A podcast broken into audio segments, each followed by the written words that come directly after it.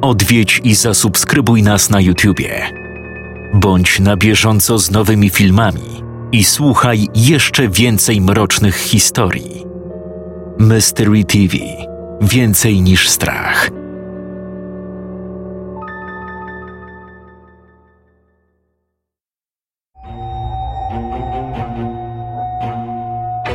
Boże, to się otwiera. Błażej, zrób coś, to się otwiera. Wrzeszczała szczupła blondynka, trzymając się za głowę. Rafał, wstawaj, musimy stąd uciekać. Krzyczała inna dziewczyna, szarpiąc za bluzę swojego kolegi śpiącego na kanapie. Ja pierdolę z tego bucha jakiś żar. Zaraz zapali się dom. Rzuć w to coś. Rzuć w to czymś, zanim to wyjdzie. Kurwa. Może lepiej zgasić tę świecę. Szybko, gaś świecę. Ludzie, ludzie, spokojnie. Nigdy, nigdy nie byliście, kurwa, najebani. To tylko pierdolone halucynacje. W całym tym zamieszaniu było też dziecko. Mały chłopiec w granatowych spodenkach i białym sweterku z kołnierzykiem. Stał przerażony w progu salonu ze wzrokiem wbitym w sufit nad stołem. To coś również skupiało na nim swój zimny, a zarazem pełen pożądania wzrok. Zupełnie jakby w pomieszczeniu nikogo więcej nie było. Ja pierdolę, to wychodzi. Błażej, podnieś Rafała i uciekajmy. Chłopiec ciągle stał w miejscu. Wiedział, że powinien uciekać jak najszybciej się da, ale nie był w stanie się ruszyć. Czegoś takiego nie widział nawet w najgorszych snach. Nawet nie był sobie w stanie tego wyobrazić, bo tego po prostu nie da się wyobrazić. To trzeba zobaczyć na własne oczy. Huk, jakby w domu sąsiada eksplodowało tysiąc bomb atomowych jednocześnie. Smród i ten lubieżny wzrok czegoś, co było w środku otworu. Czegoś, co chciało wyjść. I wyszło. O kurwa! Ryknęli wszyscy niemal jednocześnie, puścili się dzikim pędem do drzwi, niemalże taranując chłopca. A co z Rafałem? Pieprzyć go! Naćpał się to teraz ma! Chłopiec podniósł się poobijany i spojrzał na chłopaka leżącego w błogiej nieświadomości na kanapie. Ale to, co wyszło, miało najwyraźniej w dupie Rafała. Spojrzało na dzieciaka, który wiedział, że musi uciekać. Odwrócił się i wybiegł na balkon. Czuł, że nie zdążyłby dobiec do drzwi. Usłyszał ryk, jakby geparda, albo lwa, albo chuj wie czego. Już chciał krzyknąć ratunku, ale poczuł za sobą potworne ciepło. Odwrócił się i wtedy to zobaczył. Coś tak potwornego, że zlał się w majty, a następnie postanowił przeskoczyć przez balustradę. Wylądował na plecach, na świeżo skoszonym trawniku. Stracił przytomność, a krople deszczu uderzały o jego dziecięcą twarz.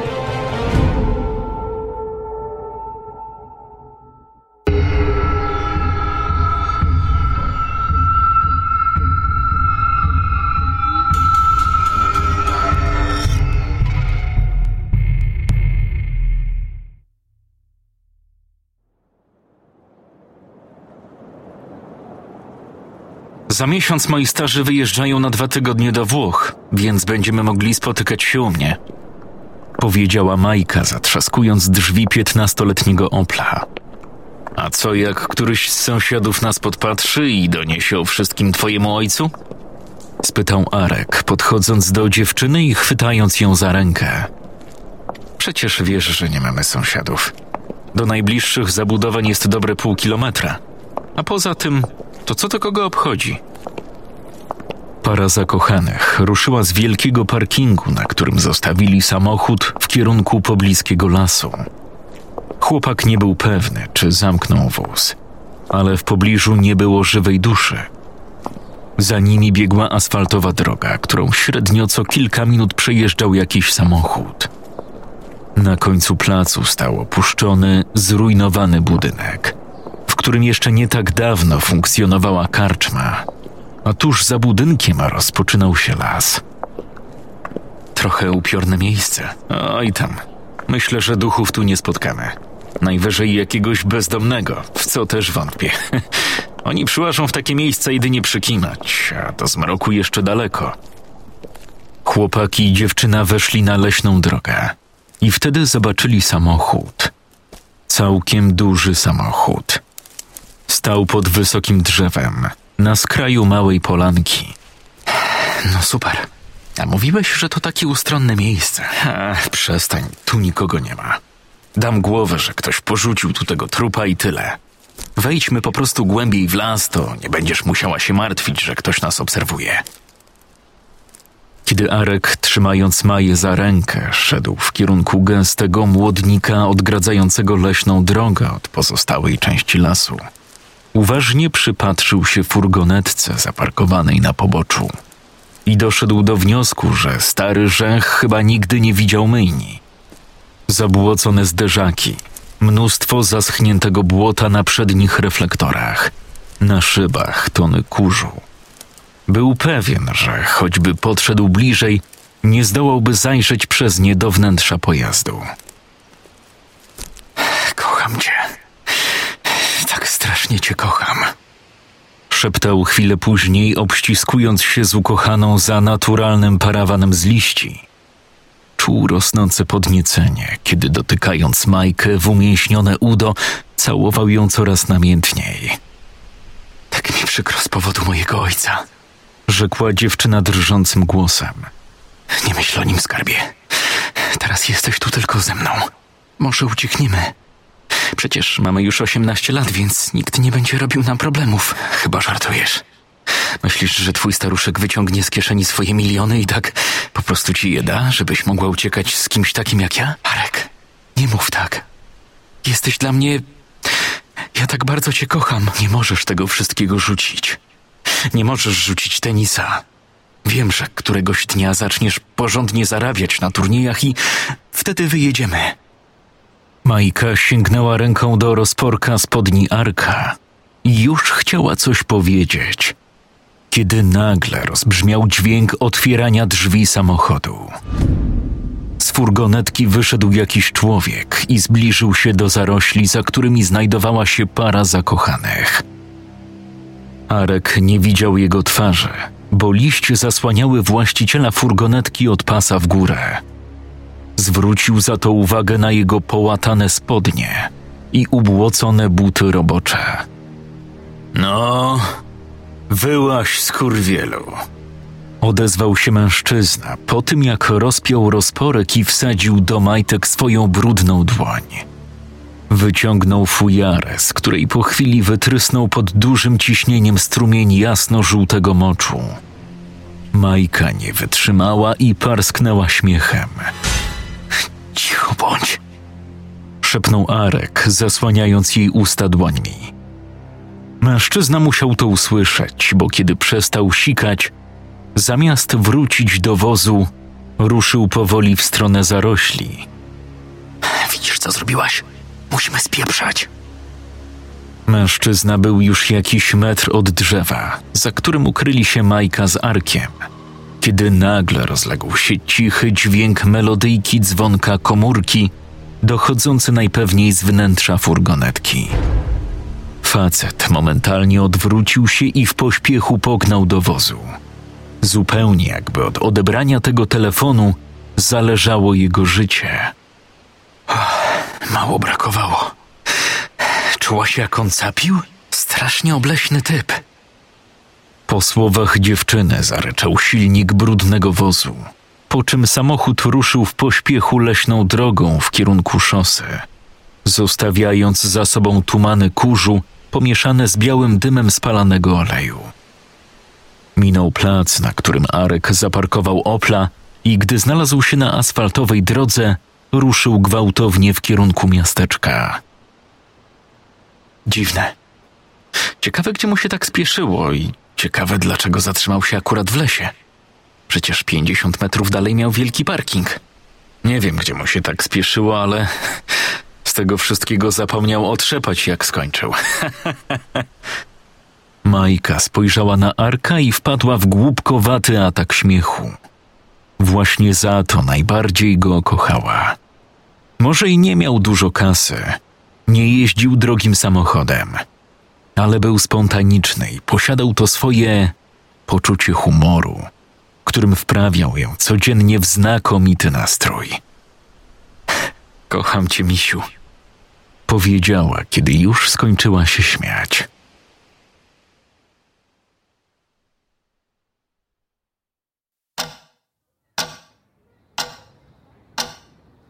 Okrągły zegar wiszący na ścianie bezlitośnie odmierzał czas do końca klasówki z historii, co w żadnym stopniu nie martwiło Marcela, który miał przed sobą ostatnie pytanie. Żołnierz walczący w oddziałach chłopskich podczas powstania kościuszkowskiego to oczywiście, że kosynier, pomyślał chłopiec, zaznaczając poprawną odpowiedź. Miał historię w małym palcu, a poprawiał sprawdzian tylko dlatego, że nauczyciel złapał go na podpowiadaniu swojemu najlepszemu kumplowi Frankowi i postanowił zarówno jednemu, jak i drugiemu wstawić jedynkę. Oprócz Marcela w klasie znajdowały się jeszcze trzy osoby. W pierwszej ławce siedział Marek Masłowski. On również poprawiał ten sam sprawdzian, ale najwyraźniej znowu się nie przygotował bo cały czas rozglądał się po klasie. Za biurkiem siedział pan Karpacki, nauczyciel historii, a przede wszystkim dyrektor gimnazjum, do którego uczęszczali chłopcy.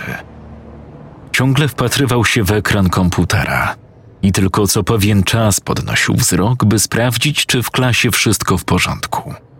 No i był ktoś jeszcze. Na drabinie ustawionej zaraz obok ławki Marcela stał niewysoki facet w czarnym garniturze z czerwoną muchą oraz w lakierkach. Ze śrubokrętem w ręku majstrował przy rzutniku. Mężczyzna ten był w szkole znany jako dziwny pan od prądu. Właśnie tak nazywała go większość uczniów, a to z powodu pewnego incydentu, ale o tym nieco później. W każdym razie dziwny pan od prądu nie tylko wyglądał dziwnie. Kto normalny zabiera się za naprawianie czegokolwiek w garniturze i kto normalny zakłada okulary z czerwonymi kwadratowymi oprawkami. Ale też zachowywał się dziwnie. Tamtego dnia, kiedy Marcel pierwszy raz w życiu poprawiał sprawdzian z historii, nie było inaczej. Chłopaku, popatrz na mnie Powiedział jak zwykle lekko się jąkając, kiedy zszedł z drabiny i stanął przed ławką nastolatka. Skończyłeś już pisać? Skończyłem, ale jeszcze sprawdzam, czy wszystko mam dobrze. Denerwowałeś się, jak pisałeś? Dziwny pan od prądu siadł na krześle i wbił w Marcela ten swój dziwny wzrok. Bo jesteś trochę rozpalony na twarzy. Źle się czujesz? Nie, wszystko okej. Okay. Już skończyłem sprawdzać. Poczekaj, nie wstawaj jeszcze chwilę. Dziwny pan od prądu przyłożył dłoń do czoła chłopca, wciąż patrząc mu głęboko w oczy. Marcel dopiero teraz odkrył kolejną dziwność w dziwnym panu od prądu. Jego oczy, a w zasadzie źrenice lekko drżały. Chłopiec nigdy wcześniej takiego czegoś nie widział – Proszę mnie puścić. Marcel strącił z czoła spoconą rękę dziwnego pana od prądu. Chłopaku, ty jesteś rozpalony, masz gorączkę. Marcel wstał i spojrzał na dyrektora Karpackiego. Liczył na jakąś reakcję, jednak mężczyzna ciągle gapił się w monitor, zupełnie jakby dziwne zachowanie dziwnego pana od prądu w ogóle nie miało miejsca. Twój tata jest politykiem, mam rację? Jest w Radzie Miejskiej, a dlaczego pan o to pyta? Zdziwił się chłopak, odkładając sprawdzian na biurku dyrektora. Z ciekawości. Ale ty też chciałbyś być kiedyś politykiem? Chyba tak, ale do końca to jeszcze nie wiem. Pokaż mi jeszcze raz oczy. Dziwny pan od prądu znowu zbliżył się do chłopca. O co panu chodzi? Niech mnie pan zostawi. Nie tym tonem, młody człowieku. Odezwał się nagle dyrektor Karpacki. Pan Zbyszek dobrze zna się na medycynie, więc lepiej nie ignoruj jego diagnoz. W- właśnie tak. Kiedyś miałem nawet iść na medycynę, ale się nie dostałem. Dziwny pan od prądu znowu położył dłoń na czole trzynastolatka i palcami naciągnął mu powieki. Ała, co pan robi? Proszę mnie nie dotykać! Krzyknął Marcel, widząc, że zachowanie mężczyzny przestało być dziwne, a zrobiło się chore. Masz podkrążone oczy. Jak wrócisz do domu, koniecznie powiedz rodzicom, żeby zabrali cię do lekarza. Czuję się naprawdę świetnie. Do widzenia. Jutro zgłoś się do mnie, to podam ci ocenę z dzisiejszej poprawy. Zawołał dyrektor, zanim Marcel zamknął za sobą drzwi. Zbiegł po schodach na parter i zmierzając do wyjścia, wstąpił po drodze do szatni, w której zostawił czapkę. Był upalny czerwiec, więc jak większość dzieciaków nie przebierał butów. Sprzątaczki czasami się na to wkurzały, ale kto by się tam tym przejmował? Porwał z wieszaka swoją zieloną czapkę z daszkiem, którą przed wyjściem włożył na głowę. Gdy wyszedł i ruszył w stronę pasów, dostrzegł po drugiej stronie ulicy Franka Antczaka, swojego najlepszego kumpla, któremu pozwolił ściągać na sprawdzianie, przez co musiał zostać dziś w szkole godzinę dłużej. Franek siedział na ławce z telefonem w ręku i czekał właśnie na Marcela. Był piątek. Mieli razem pojechać autobusem na odkryty basen. Marcel już nie mógł się doczekać, kiedy opowie przyjacielowi i dziewczynom, które też miały tam dotrzeć, co odwalił w klasie dziwny pan od prądu. Chłopiec doszedł do przejścia dla pieszych i musiał poczekać. W jego stronę zbliżał się z dużą prędkością jakiś spory samochód. Ciekawe, czy go przypuści. Pomyślał Franek, którego tata był policjantem i ciągle uczulał syna, że na pasach zawsze należy przepuścić pieszego. Droga obok gimnazjum nie była zbyt ruchliwa, bo budynek stał na przedmieściach, dobre pięć kilometrów od centrum miasteczka. Przeciwną stronę był las, a za nim zaczynały się wioski. To właśnie od strony lasu jechała brudna furgonetka, która przed samymi pasami zaczęła wyraźnie zwalniać. Co za debil! Wycedził Franek, widząc jak duży samochód zatrzymuje się dokładnie na pasach, zasłaniając całkowicie Marcela. Miał się zatrzymać przed pasami, a jak już nie wyhamował, to miał jechać dalej, a nie zatarasować komuś przejście. Franek usłyszał jakiś dziwny odgłos. Coś jakby stłumiony krzyk. Ale jego uwagę szybko odwrócił SMS, którego właśnie dostał. Gdzie jesteście? Przeczytał wiadomość od Anki, która z Asią musiały czekać już na basenie. Kiedy odpisywał, że zaraz przyjadą, słyszał ryk silnika. Jednak nie podnosił głowy, żeby się nie pomylić. Gdy wysłał wiadomość i spojrzał na przejście, po furgonetce nie było śladu. Zgłupiał, bo po Marcelu również nie było śladu. Ale przecież stał na przejściu jeszcze 15 sekund temu. A może nie stał? Może przez to ostre słońce Frankowi coś się popierdoliło w głowie. Trzynastolatek wstał i przeszedł niepewnie na drugą stronę ulicy. Co jest do chuja? Wyszeptał, widząc zieloną czapkę z daszkiem leżącą na chodniku.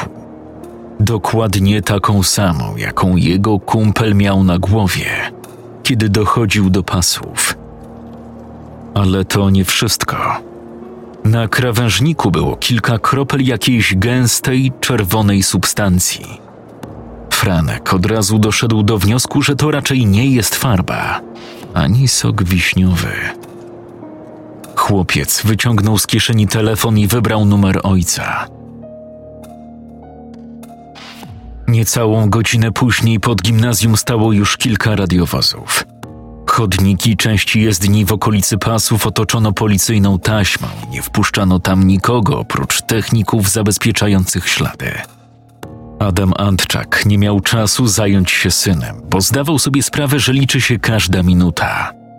Z chłopcem rozmawiała jego partnerka, natomiast on udał się do gabinetu dyrektora Karpackiego, który znajdował się na pierwszym piętrze budynku.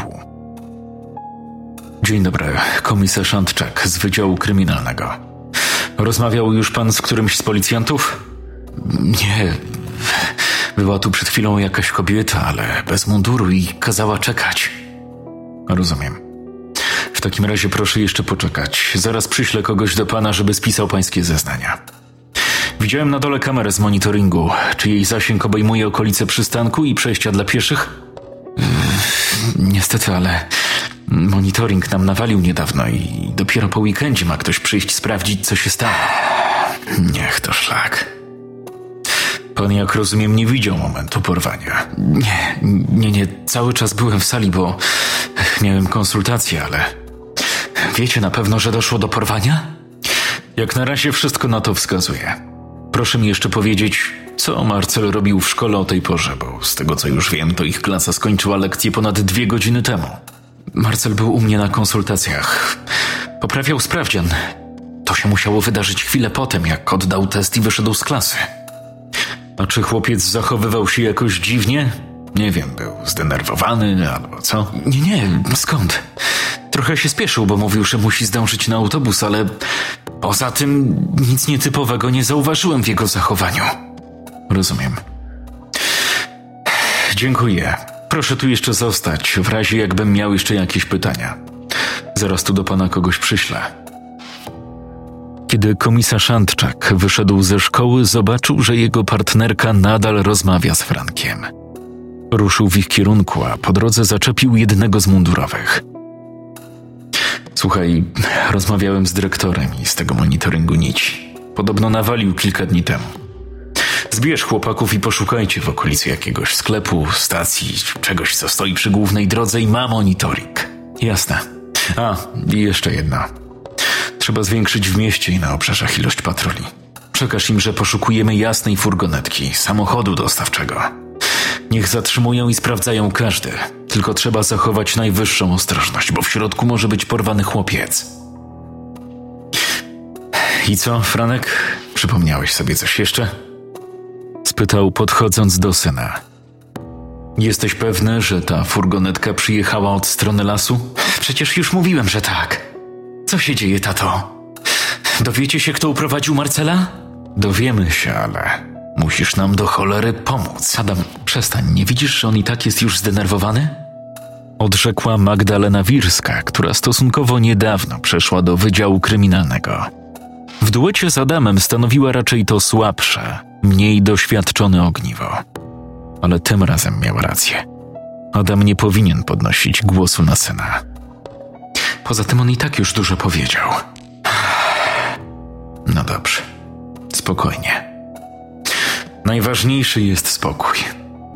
Samochód był szary, tak? Raczej tak. Może i byłby biały, gdyby nie był tak okropnie brudny. Na tablicy rejestracyjnej pewnie nie zwróciłeś uwagi. Nie. Powiedziałeś, że furgonetka przyjechała od strony lasu. A pamiętasz, w którą stronę odjechała? Jak byłeś w szkole, twój syn już tłumaczył, że samochód musiał nawrócić, bo po chwili jechał w przeciwnym kierunku. Wtrąciła Magda. Musiał nawrócić. Czyli nie widziałeś tego dokładnie. Pisałem SMS-a, więc nie obserwowałem ulicy. Kiedy zobaczyłem, że Marcela nie ma, widziałem, jak ten samochód jechał w stronę, z której przyjechał. A jak Marcel był ubrany? Zapamiętałeś? Nie wiem. Nie zwracam na takie rzeczy uwagi. Miał chyba białą koszulkę z kołnierzykiem, spodenki jakieś, no i konwersy, takie jak ja, tylko ciemniejsze. Antczak wziął Magdę na stronę. Słuchaj, z tego co mówi mój syn, porywacz musiał przyczaić się gdzieś w pobliżu i obserwować okolice szkoły. Skąd by wiedział, że dzieciak właśnie wyszedł? Wszystko musiało być dobrze zorganizowane. Słuchajcie, niecały kilometr stąd jest jeden sklep monopolowy i mają tam monitoring, który obejmuje zasięgiem ulicę. Do komisarzy podbiegł jeden z posterunkowych. Musimy się rozdzielić. Michał, zabierz do wozu Magdę i jedźcie sprawdzić te nagrania. Ja jadę do rodziców porwanego chłopca. Będę pod telefonem. Jakbyś ustaliła coś ciekawego, od razu daj mi znać. Wirska wsiadła do radiowozu, który chwilę później oddalił się w kierunku lasu. Natomiast Adam wsiadł do swojej służbowej osobówki i zanim ruszył, do samochodu podszedł jego syn. Tato, co będzie z Marcelem? Tak strasznie się boję. Franek, nie mam teraz czasu. Wracaj do domu i nigdzie już dzisiaj nie wychodź. A kiedy przyjedziesz do domu, nie chcę być sam. Posłuchaj. Widzisz, jaka jest sytuacja. Wracaj do domu i czekaj tam na mnie. Miej przy sobie telefon, jakby co, to dzwoń. Adam zamknął szybę i ruszył w kierunku miasteczka. Franek chwilę patrzył w kierunku odjeżdżającego samochodu, po czym raz jeszcze spojrzał w stronę miejsca, którym ostatni raz widział swojego najlepszego kumpla. Nie potrafiąc powstrzymać emocji, wpadł w płacz. Scenariusz Szymon Mandrak. Czytał Jakub Rutka.